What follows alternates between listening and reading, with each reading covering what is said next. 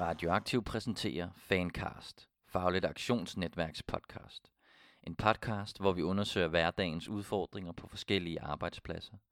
Det vil altså kooperativer, på byggepladsen, i børnehaven eller som arbejdsløs.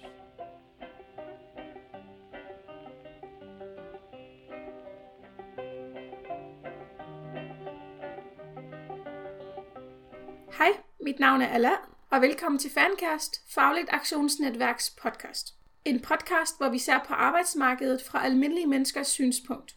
Det vil sige, at vi ikke interviewer politikere, chefer, eksperter eller faglige ledere. I dag skal vi tale om medarbejderkooperativer.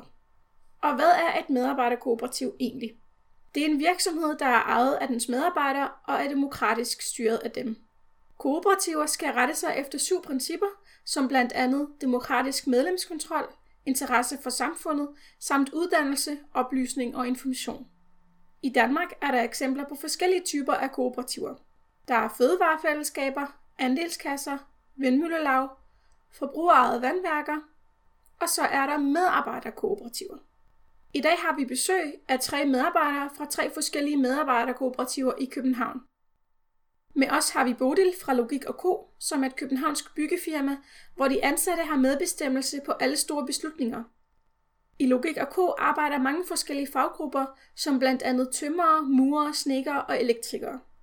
Her får alle det samme i løn, undtaget lærlinge, som har en fast overenskomst. Fra Rabotnik har vi Rune, der vil fortælle om virksomheden, hvor han arbejder og er medejer. Rabotnik er en design- og kommunikationsvirksomhed. Det er et medarbejderejet kooperativ. Her har alle medarbejderne medbestemmelse på alle beslutninger i virksomheden og får det samme i løn. Det tredje kooperativ, vi præsenterer i dag, er Københavns Cykelkooperativ, hvor vores tredje gæst, Peter, er medarbejder og medejer. Da medarbejderne besluttede sig for at etablere deres egen cykelvirksomhed, var deres første tanke at drive en demokratisk virksomhed. Som de to andre kooperativer har alle medarbejderne indflydelse på alle beslutninger i virksomheden og får det samme i løn. Vi håber, at interviewet giver et indblik i medarbejderkooperativer. God fornøjelse. Jamen, uh, hej og velkommen til vores tre gæster. Uh, I dag skal vi tale om uh, kooperativer, og uh, med os har vi uh, Rune, Bodil og Peter, som alle arbejder i uh, kooperativer baseret i København. Um, først og fremmest så vil jeg gerne høre uh, fra jer, om I vil fortælle lidt om det kooperative arbejder for.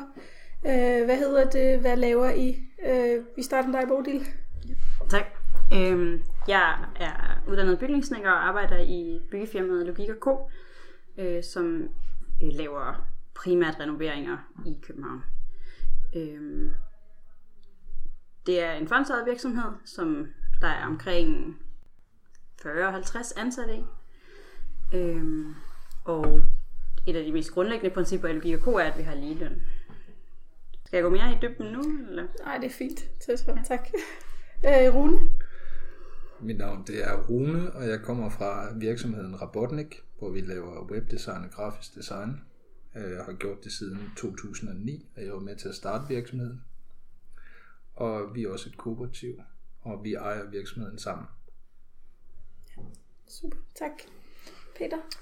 Ja, jeg er øhm, uddannet cykelmekaniker og er medarbejder i øh, noget, der hedder Københavns Cykelkooperativ, som er en cykelbutik, øh, der ligger på Nørrebro. Og øh, ja, så vi laver primært øh, reparationer og øh, ja, også noget totale renoveringer af cykler og sådan noget, og sælger også nye cykler. Øh, vores øh, ejerstruktur, det minder en lille smule om, om Logik Companies også, så, øh, så det er også sådan, ja, vores er så lige pt. foreningsejet, men ja, men ellers nogenlunde det samme. Super. Mm. Men uh, tak, det var ja, spændende. I, så I arbejder inden for tre forskellige felter. Uh, dejligt. Uh, jamen, så vil jeg rigtig gerne høre om, uh, hvornår og uh, hvordan I hver især sådan besluttede jer for at arbejde inden for et, et kooperativ. Uh, Rune, vi starter med dig. Ja. Udgangspunktet er jo, at vi var to, der startede virksomheden sammen i sin tid i tilbage i 2009, fordi vi var i hver vores virksomhed, hvor vi var trætte af at være, og vi var trætte af, at der var nogen, der skulle tjene penge på vores arbejdskraft, og vi var trætte af ikke selv at kunne bestemme, hvordan virksomheden den skulle struktureres. Og så startede vi en virksomhed, som vi synes, den skulle være, og det viste sig så senere at være et kooperativ. Det vi startede, det var vi faktisk i virkeligheden ikke super skarpe på i udgangspunktet. Øhm, og det var også først senere, vi fandt ud af, at for eksempel, der var en organisation øh, for kooperative virksomheder i Danmark. Øhm, men det var primært, at der ikke var nogen, der skulle tjene penge på vores arbejdskraft, udover os selv, og at vi havde øh, indflydelse på vores øh, arbejdsliv. Okay, yes, så spændende. Så, så da I gik i gang, var I ikke, altså I var ikke helt, selv, helt klar over, om, eller klar over, at I nu startede et kooperativ. Øh, I startede bare, jeg startede en virksomhed, og så blev det... Ja, det, kan- det kan man sige. Vi, vi var ikke øh, super skarpe på. Der findes jo nogle forskellige principper omkring, hvad en kooperativ virksomhed er, som vi så også opfyldte, men det var vi bare ikke klar over på det tidspunkt, da vi startede virksomheden. Øhm, og havde da hørt ordet kooperativ virksomhed, og vi tænkte, om nu vil vi lave en demokratisk virksomhed, og vi vil lave en virksomhed, som var politisk, og vi ville lave en virksomhed, hvor vi selv styrede tingene, og hvor der var lige løn, og der var alle de her ting. Ja, yes. Bodil? Ja, øh, Logik og Co. blev startet for 15 år siden. Jeg har arbejdet der de sidste tre år, og øh, da jeg gik på grundforløbet på teknisk skole, så ville jeg gerne arbejde i Logik og Co. Blandt andet også, fordi det var et kooperativ. Øh, men jeg søgte også andre steder, øh, men var rigtig heldig at få en læreplads i. Og så har jeg været der siden, og er nu ansat, og, og det, det, det betyder rigtig meget, at, altså sådan, at jeg er blevet der og ikke har søgt ud til et andet firma. Yes, tak. Øh, Peter, hvad med dig? Ja, altså, øh, jeg var med til at starte Københavns Cykelkooperativ, og vi var, vi var meget bevidste om, at det var et kooperativ, vi ville starte. Øh, så, og vi gik ligesom en gang med det, fordi at øh, der, hvor vi ligger nu, der lå der en cykelbutik også før, der hed Saxit, hvor vi alle sammen arbejdede. Og så ejeren af, af den forretning valgte at lukke den, og så mistede vi jo selvfølgelig vores arbejde i den forbindelse der. Og så ville vi ligesom, det var både sådan en lidt en nødplan for at blive ved med at have et arbejde, men ja, og så ville vi også ligesom gøre det på en anden måde, hvor at det betød mere for os, at vi var fælles om at tage beslutningerne, og vi var fælles om at dele øh, de penge, hvis der var nogen, øh, frem for at det ligesom bare skulle være en almindelig cykelbutik, hvad man siger. Okay. Så hvis man nu skal altså, tænke over opstarten af et kooperativ, hvordan, hvilke ting skal man sådan tænke over, øh, når man gerne vil starte et kooperativ op, øh, ud, fra, ud fra jeres erfaringer? Altså, Rune, sorry. Ja. øhm, jeg, jeg tror, det er vigtigt, at man ikke bare gerne vil starte et kooperativ. Jeg tror faktisk, det er vigtigt, at man har en rigtig forretningsidé, eller man, så man faktisk har et firma, der kan fungere, inden man vælger at starte virksomheden. Så tror jeg selvfølgelig også, det er en god idé at lave en lille smule planlægning, inden man går i gang med det. Måske have en øh, opstartskapital eller et eller andet.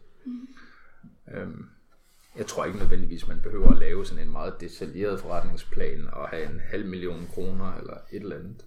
Men det er jo selvfølgelig forskelligt fra branche til branche. Ja. Fordi nogle ting, der er der store udgifter til at starte det op, og nogle der er der ikke så store udgifter. Mm.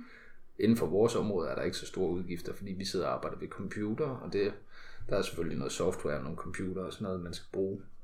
Øhm, hvorimod hvis man skal bruge en masse maskiner og værktøj og alle mulige ting, så kan det godt være, at det er, det er nogle andre investeringer, man skal ud i inden der. Men jeg tror, hvis jeg skulle starte igen i dag, så havde jeg ventet øh, til, at vi havde en større opstartskapital, og jeg tror, jeg havde ventet til, at vi, jeg tror, vi havde beholdt vores job i længere tid, og så prøve at starte det, mens vi havde det andet arbejde, og så gå over til det. Der kan man sige, for cykelkooperativet er det selvfølgelig noget andet. I havde jo mistet jeres job, så... Ja. Men øhm, det ved Ja. jeg ikke, om det er noget, I kan genkende, om de ting, jeg siger. Øh, Peter. Jo, selvfølgelig. Altså, øh, når man skal starte en virksomhed, så er det jo, det vigtigste er jo selvfølgelig sådan, at når man starter med noget, der kan løbe rundt. Altså, det, må, jo- det er jo ligesom det allerførste sted, kan man sige. Øhm, så hvad kan man sige, hvis, der, er- hvis man ikke har en forretning, der kan tjene penge, så kan man heller ikke have et kooperativ, kan man sige. Vel? Det er jo ligesom den vej, det går. Så, øh, men øh, så, så ja, det er selvfølgelig rigtigt, at øh, det er jo... Men altså, vi havde heller ikke nogen penge, da vi startede. Altså, vi ville også gerne have haft meget mere, så sådan tror jeg, det er for de fleste, der starter virksomheder. Jeg tror i virkeligheden også, det mange gange så er det vigtigere at, at komme i gang, end, end det er, fordi jeg, jeg tror også, ting kan dø på tegnebrættet allerede inden man får det i gang, hvis man sidder og skal planlægge alt ned i detaljer. Mm. Og sidde og diskutere vedtægter i det, øh, i flere måneder, inden det er, at man så får lavet en virksomhed, så ligesom så får lavet noget og komme i gang, og så Ja, kan nogle af tingene falde på plads undervejs. yes. Bodil, hvad siger du til det? Øh, jeg har ikke været med til at starte nogen, nogen som helst virksomhed af, og heller ikke noget kooperativ. Øh, så det jeg tror, jeg bare måske tænker over i logik nogle gange, hvis man gerne vil starte et kooperativ, så skal man også være opmærksom på, at i hvert fald som jeg er en lidt større virksomhed, at det kræver også noget energi at holde det ved lige på en eller anden måde, at, at alle er engageret og med, med i kooperativet, og ikke bare ansat mm. på en eller anden almindelig arbejdsplads, som altså noget arbejde sådan på en eller anden måde ekstra. Eller, Ja. sådan. Så I har alle nævnt noget med planlægning, og to af jer har nævnt noget med startkapital. Øhm, forestiller jeg, at jeres virksomhed ville have været noget anderledes eller større, hvis I havde en større startkapital? Eller? Altså man Hvordan? kan sige, det en startkapital gør, det er jo, at man kan vokse hurtigere. Mm. Man kan sætte hurtigere gang i nogle ting. Omvendt, så tror jeg også, at der kan være en fordel i at starte med ingenting. Fordi at, så er det meget organisk, den måde virksomheden vokser på. Det vil sige, at man vokser ikke hurtigere, end man kan. Mm-hmm. Fordi at der simpelthen ikke er omsætning eller økonomi til det. Så man udvider kun i det omfang, der ligesom er råd til det. Og og hvis man slår et stort brød op, eller hvad man kan sige, med, øh, man har købt maskiner ind og købt alle mulige ting ind og lavet et stort setup, og så man ikke har nogen kunder, så kan det jo være lige meget. Ja. Øh, så på den måde behøver det ikke nødvendigvis at være en forudsætning. Omvendt så er det ærgerligt at øh, øh, gå konkurs efter en måned, fordi man ikke har haft den eneste kunde, og man ikke har noget øh, opsparing, eller man ikke har nogen penge. Ja. Og der tror jeg, vi var heldige simpelthen, fordi jeg tror, der er mange, der knækker nakken på det, og det er uanset om det er kooperativt eller det er en almindelig virksomhed at starte, uden at have en eller anden form for finansiering. Ja. Det kan godt lade sig gøre. Har du noget at tilføje, Peter? Ja, altså jeg, jeg tror sådan set ikke, vores øh, virksomhed havde været så meget anderledes, hvis vi havde mange, haft mange flere penge. Altså, det, det, det måske kunne have gjort, det var, at det kunne måske have sparet noget stress, sådan lidt i starten, ikke? Men altså, Okay. det, jeg tror, vi var nok landet nogenlunde samme sted, okay. som vi er i dag i hvert fald. Hvilken indflydelse vil I mene, at øh, på, øh, på jeres, øh, hvad hedder det, altså fleksibiliteten i jeres hverdag med hensyn til familie og venner, har det at arbejde kooperativ i kontrast til at skulle arbejde på en, en almindelig øh, arbejdsplads? Øh, Bodil? Ja, øh, jeg synes, det er svært at skelne, hvad der er øh, skyldes, at man er et kooperativ, og hvad der, altså, der er jo også øh, gode chefer faktisk nogle steder. Mm. øhm, men øh, i logik har vi den regel, at, at man altid bare kan lægge en ferieseddel to uger før, hvor der er ikke noget regler om, hvor meget man må holde fri og sådan noget, så, så på den måde er det jo meget fleksibelt, og, og folk kan lave ordninger, ja. hvis de skal aflevere børn og alle sådan nogle ting. Øhm, og det er jo selvfølgelig noget, folk er blevet enige om, at sådan skal det være. Øh, så selvfølgelig har man muligheden for at tage det op, men, men du ikke for at sige, at sådan kan det ikke være i en, mm.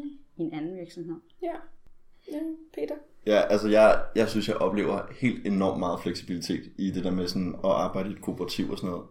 Øhm, I hvert fald hos os. Men jeg tror også, der er stor forskel på os og logik, fordi at logik er sådan en stor virksomhed, og vi er kun fem. Ja. Øh, og vi kendte hinanden i forvejen rigtig godt, og vi var vant til at arbejde sammen og sådan noget der. Øhm, men, men altså, jeg, jeg har oplevet det rigtig meget, det der med, sådan at det er lidt nemmere, at man kan gå, hvis der ikke er så meget at lave, eller man kan møde lidt senere, eller øh, den slags ting. Øh, fordi vi ligesom alle sammen godt ved, sådan at når vi behøver jo ikke arbejde mere, end der er arbejde til, Ja. eller end der arbejde er i forvejen, eller hvad man siger, så, så hvis der ikke er noget at lave, så kan vi lige så godt komme lidt senere og sove lidt længe, eller et eller andet. Mm. Altså sådan, og det er sådan noget, vi prøver at gøre vildt meget hos os, det der med sådan, at øh, der er ikke nogen grund til, at vi arbejder 40 timer, hvis der ikke er 40 timers arbejde Ja. til hver. Så hellere arbejde noget mindre og have lidt mere fritid.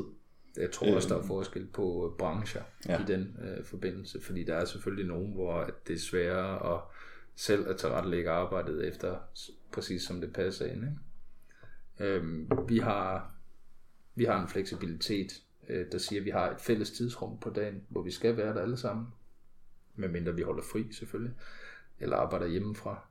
Det kan man jo, når man sidder og laver sådan nogle ting, som vi gør. Det er måske sværere med i et cykelkooperativ eller i, ja. i et byggefirma. Men, øhm, og det er fra klokken 10 til klokken 14. Om man så møder ind klokken 5 minutter i 10, eller øh, går 5 minutter over 2, det er i og for sig underordnet, så længe man lægger de timer, der skal til på en uge. Ja. Øhm, og så har vi, så er vi lige gået ned på 30 timer nu, og det har vi så gjort sådan en kollektiv beslutning. Og det kan man sige, det, er ikke, det kommer vi ikke til at tjene flere penge af, tror jeg. Men, øh, men det er besluttet simpelthen, fordi at vi prioriterer at have noget tid til at lave andre ting end at arbejde.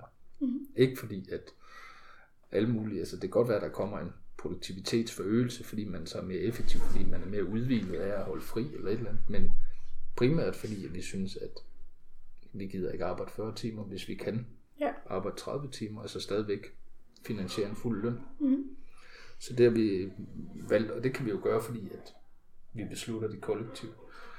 Vi er selvfølgelig også nødt til at rulle beslutningen tilbage, hvis det viser sig, at det ikke fungerer. Mm. Øh, men øh, Ja.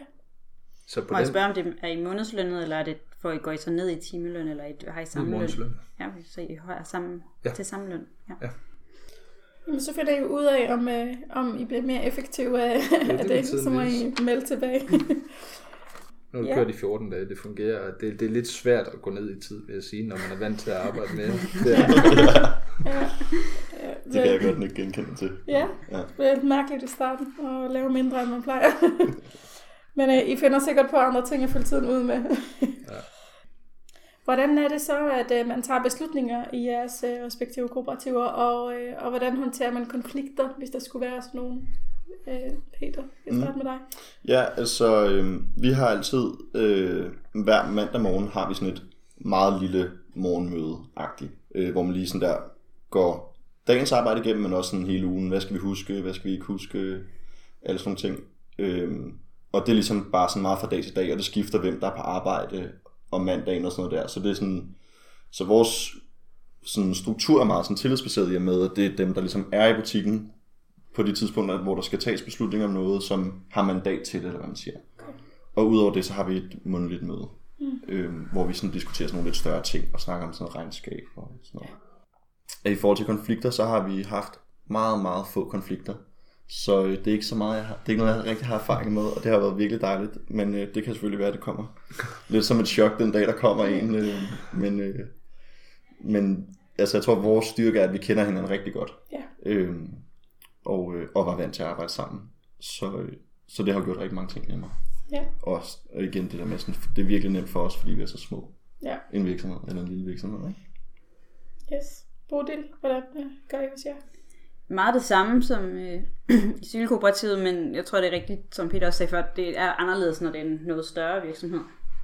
Øh, men vi mødes en, en halv time inden vi ved rigtige møder hver mandag, så mødes halv syv, øh, og har en halv time, hvor vi gennemgår alle de igangværende byggepladser og beskeder, og sådan, det er meget sådan informativt med. Og så har vi et øh, efterarbejde øh, en torsdag om, om måneden også et medarbejdermøde, øh, hvor der også er en masse information, der ligesom bare bliver givet, øh, men hvor vi også kan tage emner op og diskutere. Og jeg kommer lige fra et møde nu, hvor vi snakkede om, at vi skal til at prøve at få lidt flere sådan, gæster ud og holde et eller andet lille oplæg, som man så kan snakke om. Øh, øh, ja, i forhold til konflikter, der... Øh, altså vi har, også, vi har ansat en daglig leder, som tager sig af mange af de ting, sådan, uden at det kommer fællesskabet mm-hmm. øh, egentlig, eller det er ikke noget, vi sådan snakker om. Øh, ellers, men altså, det er meget sådan, at hvis man ude på pladserne har nogle problemer, så skal man melde tilbage til sin byggeleder, så man kan få snakket om det i mindre grupper, men vi tager det ikke op sådan alle sammen Ja. fælles. Øh. Øh, hvordan gør I med Rune? altså, ja, det kommer lidt an på størrelsen af problemerne, sige, Ja. konflikterne.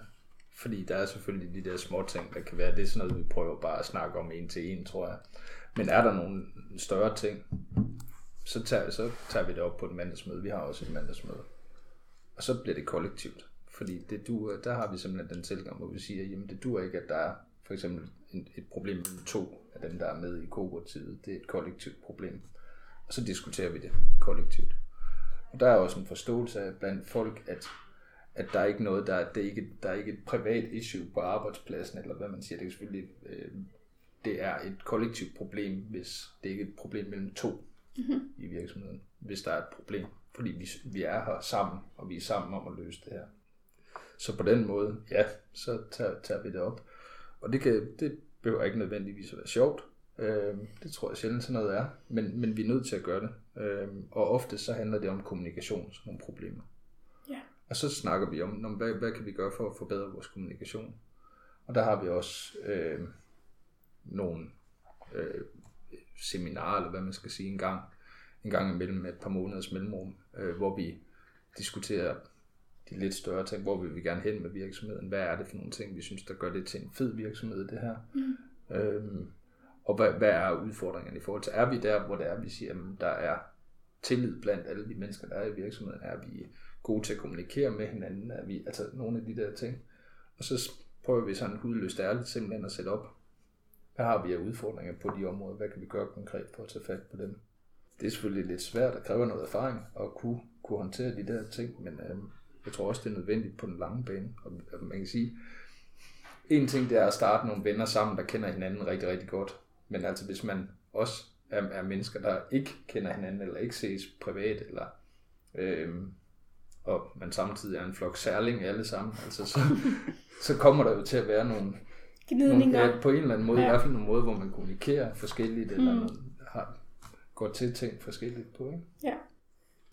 Ja, men øh, nu har vi snakket lidt om, at øh, øh, ja, eller kooperativer er jo en, en, altså en virksomhed, som alle mulige andre virksomheder, med selvfølgelig en anden struktur. Øh, men med hensyn til jeres altså kundeforhold, føler I, at det, at kunderne er et, altså kommer og er kunder hos et kooperativ, øh, at det ændrer noget ved kundeforholdet? Eller er I bevidste om, at de er handler hos, øh, hos et kooperativ for eksempel?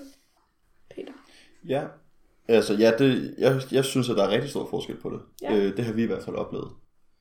Altså fordi vores branche er lidt sådan en meget ikke tillidsbaseret branche, eller hvad man siger, kunderne stoler aldrig på cykelmekanikerne. øh, fordi de fleste, de har en fornemmelse af, at de altid bliver snydt, øh, desværre. Øh, men det synes jeg, at vi oplever mindre hos os, end de andre steder, jeg har arbejdet. Øh, og der er også ofte kunder, der kommer ned og siger, at de aktivt ligesom vælger os til, fordi det er et kooperativ, og, og det har de det bedre med. Øh, at handle hos en, end nogle steder, hvor de måske oplever, at de bliver snydt, eller der ikke er styr på forholdene for dem, der arbejder der, eller sådan noget. Okay. Så, øh, så altså det, det har vi i hvert fald oplevet. Ja. Rigtig meget, synes jeg. Så der er simpelthen mere tillid til, til jer som kooperativ hos i hvert fald nogle kunder. Blandt, for hos de fleste i hvert fald, ja. Ja. ja. ja det synes jeg. Fedt. Øh, Man kan sige, at det er selvfølgelig også svært at vide, om man bliver fravalgt. hmm. Det er jo Det det. får man jo ikke at vide. Nej, Men det ved selvfølgelig. jeg heller. Altså, Meget sjældent. Ja. Helt klart. jeg, havde, øh, jeg havde en sjov oplevelse den øh, i fredags med en kunde. Øh, fordi udover at være et kooperativ, så er vi også et politisk kooperativ. Og der, øh, men som spillede meget godt ind i min forestilling om det her. Øh, vi var ude hos kunden, og så skulle vi præsentere et øh, design, vi havde lavet. Så starter hun inden mødet med at sige, at hun havde fortalt en af sine øh, gode venner, øh, som også var inden for samme branche, at det var os, der skulle lave øh, den nye hjemmeside til den. Hvortil øh, han havde svaret, jamen de er jo kommunister hele banden, men pisse dygtige. Okay. okay, så ja. Så, og der havde det så været for hende underordnet, at de var kommunister. Det er vi ikke. Der er også noget, nogle andre end kommunister. Kun nogle af jer, men okay. ja. øhm, men at vi var pisse dygtige, og at vi er professionelle, og vi leverer på de ting, øh, vi, vi kan, og vi kan konkurrere på prisen, tror jeg for langt hovedpart er det, der er centralt øh, af vores kunder. Jeg tror også mange af vores kunder ikke aner, at vi er kooperative. Ja. Bodil, hvordan er det hos jer? Jeg tror meget, vi har to slags kunder. Altså, sådan, når det er små private kunder, så tror jeg meget, det er på grund af, at det er et kooperativ. Øh, det er noget, folk har valgt til. Øh, når det er større kunder, så tror jeg ikke, at det har så stor betydning. Egentlig tror jeg også, at det har, har øh, rigtig meget betydning, at, at øh, logik har ry for at være færdig til tiden og, og lave alt det, de har sagt, de vil, og netop, og at dem kan man stole på, for jeg tror lidt, håndværkere har lidt det samme ry som cykelsmed. øhm, Uheldigt. Ja, og så har vi mange, altså den, den kundekontakt, jeg har jo tit, øhm, kan sagtens være, at der er en eller anden bygherre, der en eller anden, en eller anden entreprenør og sådan noget, der har, har valgt, at vi skal sætte alle de her altaner op. Mm. Så den enkelte kunde, jeg møder i lejligheden, har ikke noget forhold til os som firma, og, sådan, så, og ved tit ikke. Altså sådan, så, så det er tit, at man ikke øh, oplever, mm. at folk ved, Ja. ja. hvordan firmaet egentlig fungerer og sådan noget. Ja, øhm, så til noget lidt andet. Øh, hvad hedder det? Der er, det er ofte en kritik af, af kooperativer, at, at, øhm, at der er en masse spildtid på, på det at tage beslutninger, fordi at øh, beslutningerne skal tages af flere mennesker, og det skal tages kollektivt op og, og så videre. Øh, er det sådan, I føler, at det er jeres kooperativ, eller hvordan har I det egentlig med det, øh, Rune? Det først. Øhm, nu nævnte jeg tidligere, at vi havde et, et mandagsmøde. Mm. Det er bare normalt en time til halvanden. Derudover så har vi et kort statusmøde om onsdagen, og et kort statusmøde om fredagen. Ja. Og de var 10 minutter per styk. Resten er noget, vi øh, klarer over skrivebordet eller i frokostpausen. Okay. Så det ved jeg ikke, om det er meget at diskutere, men det er cirka den tid, vi bruger på det. Så, øh, så nej, ikke nogen spiltid hos, hos rapporten. Ja, men nu, nu er det ved at være, ja, det er selvfølgelig sjovt at sige, men det er ved at være så mange år siden, jeg kan ikke huske, hvordan det er at være i en anden virksomhed, Ja. eller jeg kan kun huske alle de rigtig, rigtig negative ting, men øhm, Ja. øhm, det kan godt være, det, det, jo, det kan godt være, at der bliver diskuteret lidt mere, øhm, men ikke meget, det tror jeg ikke. Mm. Altså derudover, så vil jeg jo så også sige, det er jo ikke fordi, at alting er en diskussion. Nej. Fordi det kan godt være, at vi øh, diskuterer de virksomhedsmæssige beslutninger, der er, om vi nu skal ansætte en ny person, eller vi skal gøre et eller andet, øh, som har konsekvenser for virksomheden. Men i det daglige, der har vi jo uddelt kompetencer og beslutningsautoritet. Ja. Øh, også baseret på faglighed. Så for eksempel, hvis det er en grafiker, så eller det er en grafiker, der beslutter, om den, den skal være rød, eller den skal være blå, Mm. øh, og ikke en webudvikler, fagblind webudvikler, hvor at, Ja. At til gengæld, om vi skal vælge den ene tekniske løsning, eller den anden tekniske løsning, er jo så Ja, ja. øh, webudvikleren. Så er det jo egentlig, så det er egentlig ikke alle spørgsmål, der skal, der skal tages op kollektivt. Det er ikke alle beslutninger, der er. Ja. Peter? Ja, nej, altså jeg, jeg synes heller ikke, øh, at vi har spildt tid. Øhm, jeg tror virkelig, det er en fordom. Mm. At det der med, når man prøver at demokratisere noget, at, at det der ligesom bliver argumentet imod det, det er, at når man, så skal alle diskutere alting og sådan noget. Og sådan er det selvfølgelig ikke, fordi sådan er der jo ikke nogen, der gider at gå på arbejde. Nej. Så, så nej, det gør jeg ikke. Og jeg vil også sige, altså øhm, i forhold til den arbejdsplads, eller de arbejdspladser, jeg har været på før, så bruger vi mindre tid på at diskutere og lave en god struktur, end vi før i tiden brugte på at hive os selv i håret, når vi kom hjem fra arbejde og var ked af det over de dårlige beslutninger, vores chef tog. Ja. Så jeg vil sige, jeg synes faktisk, at der er mere spildtid i blandt min arbejdserfaring i hvert fald ved ikke at være et kooperativ. Og så selvfølgelig også, som Rune også siger, at vi, vi diskuterer heller ikke alting. Altså, der er jo ligesom bare noget, det, det sker ligesom bare sådan løbende. Ja. Øhm, og, og det er der vores struktur, eller hvad man siger, ligesom er meget sådan tillidsbaseret. Hvis der ligesom er nogen, der bliver stillet over for en eller anden udfordring, som der skal tages et valg om, så er der tillid blandt alle i vores kooperativ til, at man gør så godt man kan, og, øh, og så tager man en beslutning, og så er det fint nok, og så kan vi diskutere, om den var god eller dårlig bagefter. Øh, netop for at gøre det der med sådan at få det lidt mere til at flyde. Ikke? Odette, hvad mener du om det? Jeg er meget enig med både Peter og Rune, og øh, altså det er det samme i logik, at i dagligdagen, så er der en, er det øh, givet til, ud til nogle bestemte folk, øh, hvem der tager hvilke beslutninger. Og derudover, så, så ligger vores øh, fællesmøder uden for arbejdstiden, så, så på det... Så der er ikke nogen øh, spildt arbejdstid på det. okay, yes. Hvad vil I sige er den største forskel ved at arbejde i kooperativ øh, kontra at arbejde i- ja, almindeligt, øh, på en almindelig arbejdsplads? Øh, vi tager Bodil først. Nej. Vi kan også godt springe over. jeg, jeg har kun arbejdet i det offentlige hos NGO'er, og Ja. i logik, jeg har aldrig arbejdet i en anden virksomhed. Okay, Jamen, altså den største forskel er vel, at man har indflydelse ja. på sin arbejdsplads. At man er med til at beslutte, hvordan tingene skal være. Og at der ikke er nogen, der sidder og ejer virksomheden og tjener penge på ens arbejdskraft. Det er vel grundlæggende set de, den store forskel. Du er enig? Ja, ja, altså, øhm, jeg synes vores erfaring har været, at vi har fået et meget mere sådan engagementsfyldt arbejdsliv, efter at vi startede vores kooperativ. Øh, frem for det der med, at øh, jamen, altså, hvis chefen tager en anden helt hul i hovedet beslutning, og det, man ikke har det særlig godt med det, men man skal alligevel arbejde med det, og mm. så, sådan, og så gider man ikke rigtigt, og man føler sig mindre oplagt til at arbejde sådan på den måde. Ja. Så man, men når man ligesom skal stå for det hele selv, så, øh, så det er i hvert fald det, der skete hos os, at det, det er blevet meget, sådan, meget mere engagementsfyldt, Ja. ja. man siger. Men, altså, men det kan jo også have en bagside i det der med, sådan, at hvis nu alle, eller hvis det ikke er alle i virksomheden, øh, som ligger den, det samme slags engagement, at så kan man jo godt føle, at der er nogen, der måske arbejder mere end andre og sådan noget der. Og det er, jo, det er jo i hvert fald sådan noget, hvor en, ens struktur ligesom skal sådan redde det, Ja.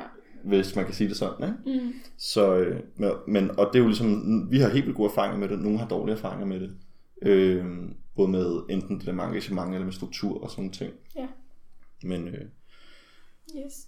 Men, Men- jeg, undskyld, Ja. jeg tror da også for eksempel, at før jeg øh, arbejdede i et kooperativ, hvis der kom en chef hen til mig og spurgte mig, om ikke jeg lige øh, ville pusse vinduerne, fordi de trængte til at blive pusset, så vil jeg sige, det står ikke i min arbejdsbeskrivelse. Jeg er grafiker. Mm. Det gør jeg ikke. Ja. Hvis vi Nu snakker, gør du. hvis, hvis, hvis vi snakker om, at vi trænger til at få pudset vinduer, så siger vi, skal vi høre en vinduespusser, så kan det godt være, at jeg siger, ved du hvad, det gør jeg bare Ja. i stedet for. Ikke? Mm. Det er noget andet. ja. Og nu formulerede du bare lidt et spørgsmål om, i forhold til andre virksomheder. Det gik godt for mig, at jeg ikke har arbejdet i andre virksomheder, tror jeg. ja, ja. Men, men det, at arbejde i det offentlige er jo meget det samme. Altså det der med, at det, er ikke, det føles bare ikke på samme måde, at beslutninger bliver trukket ned over hovedet på dig. Sådan, øh, og det betyder vildt meget, at man ikke arbejder for en eller anden skyld. Eller sådan. Ja. Nu er I kommet lidt ind på øh, det næste spørgsmål egentlig lidt, men øh, nu, nu får I lov til at uddybe den lille smule. Øhm, altså, hvordan, hvordan vil I mene, at øh, arbejde i kooperativ har af betydning for, øh, for sammenhold og arbejdsmiljø på arbejdspladsen? Rune? Altså, Bodil, hun startede jo med at nævne, at øh, der findes også gode chefer. Mm. Og på samme måde tror jeg egentlig også, der, eller det gør der. Der findes også gode arbejdspladser, der ikke er kooperative arbejdspladser med godt arbejdsmiljø og, Ja. og et godt sammenhold og så videre. Jeg tror bare, at forudsætningerne er bedre i et kooperativ Mm. som udgangspunkt Ja. for det. Det betyder at det kunne sikkert sagtens finde et kooperativ, der er pisse dårligt arbejdsmiljø i. Mm. Altså, men Ja. som udgangspunkt tror jeg, at forudsætningerne er bedre i et kooperativ Ja. for den del.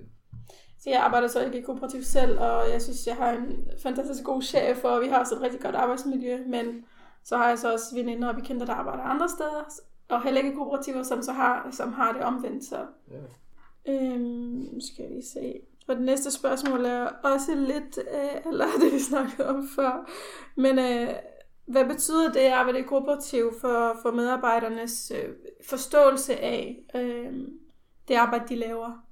Øh, det, at de har været med til at beslutte de beslutninger, der nu skulle tages i, i, i virksomheden. Øh, hvad har der betydning af, af den, altså den forståelse for det, de skal til at udføre? Øh, Peter, vi kan starte med dig. ja.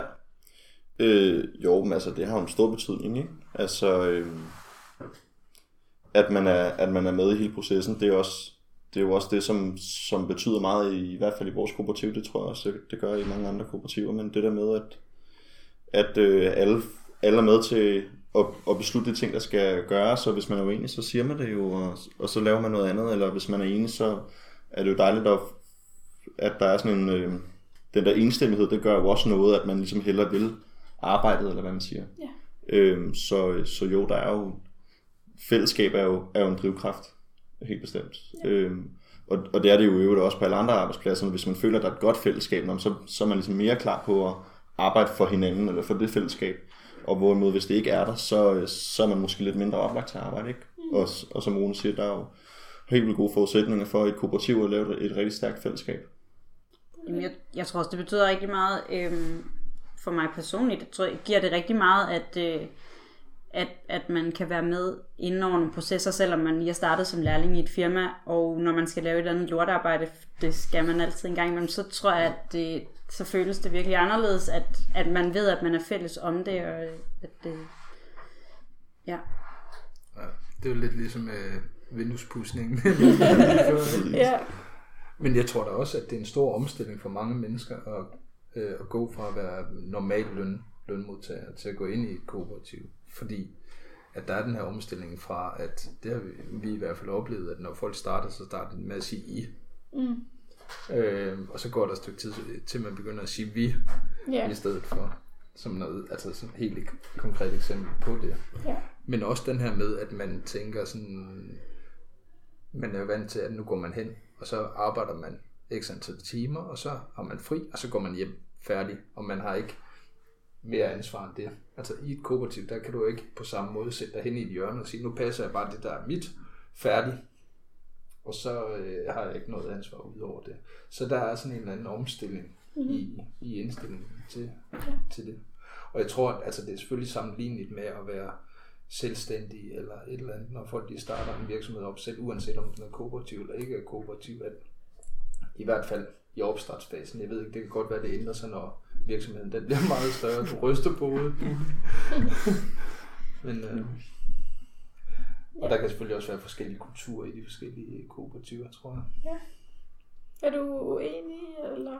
Nej, det var bare, at, at det ændrede sig ikke øh, for mig at se i hvert fald, selvom at det er en virksomhed, der har været der i flere år og er større, at, at når, hvis noget går lidt galt, så er man nødt til at, at få det løst alle sammen. Mm. Øh, det tror jeg bare ved. Eller sådan. Ja, yes. Jeg må høre, om øh, I føler, at øh, kooperativer, øh, føler I, at kooperativer er en arbejdspladsform, som burde spredes til at sige, flere arbejdspladser eller flere slags øh, områder? Øh, Peter?